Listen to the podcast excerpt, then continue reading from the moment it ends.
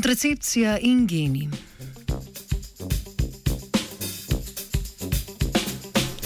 Kontracepcija pri večini žensk uspešno preprečuje neželeno nosečnost.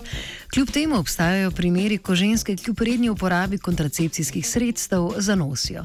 Eno od možnih razlag, zakaj je tako, je v nedavni raziskavi podala raziskovalna skupina, ki je spremljala, kakšen vpliv imajo na kontracepcijska sredstva različice gena, ki je odgovoren za razpad hormona etonogestrela.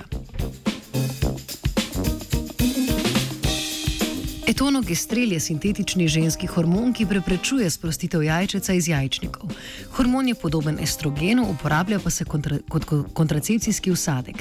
Pri tem se po ustavitvi usadka tik pod kožo etonogestrel v majhnih količinah stalno sprošča v krvni obtok. Za razpad hormonov v telesu so pri fetusu odgovorni produkti gena CYP3A7, v odrasli dobi pa njihovo vlogo prevzamejo produkti drugega gena CYP3A4. Gre za encimske proteine, ki sodijo v skupino citokromov in jih sicer najdemo predvsem v jedrnih celicah, kjer so med drugim pomembni tudi pri presnovi zdravil. Raziskava je vključevala 350 zdravih žensk, ki so kot obliko kontracepcijskega sredstva uporabljale omenjeni podkožni usadek, ki sprošča hormon etonogestrel. Omenjena kontracepcijska metoda spada med najbolj zanesljive, saj je možnosti za napako pri uporabi zelo malo.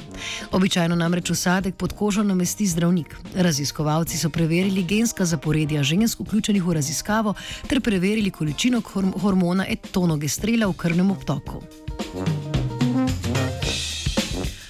V raziskavi so ugotovili, da imajo ženske z mutiranim genom CYP3A7, pri katerih ostanejo omenjeni geni aktivni tudi v dobi odraslosti, v telesu manj etonogestrela kot tiste, pri katerih mutacija ni prisotna. Tako so opazili, da je bila količina etonogestrela pri 28 odstotkih žensk z omenjeno različico gena CYP3A7 pod nivojem, ki naj bi glede na navodila proizvajalcev preprečil sprostitev jajčeca iz jajčnika.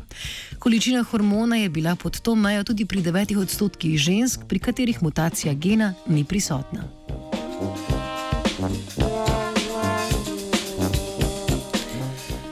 Omenjeno mutacijo gena CYP3A7 ima sicer 5 odstotkov ženske populacije, pri katerih je tveganje za pojav neželene nosečnosti kljub uporabi kontracepcije najverjetneje večje.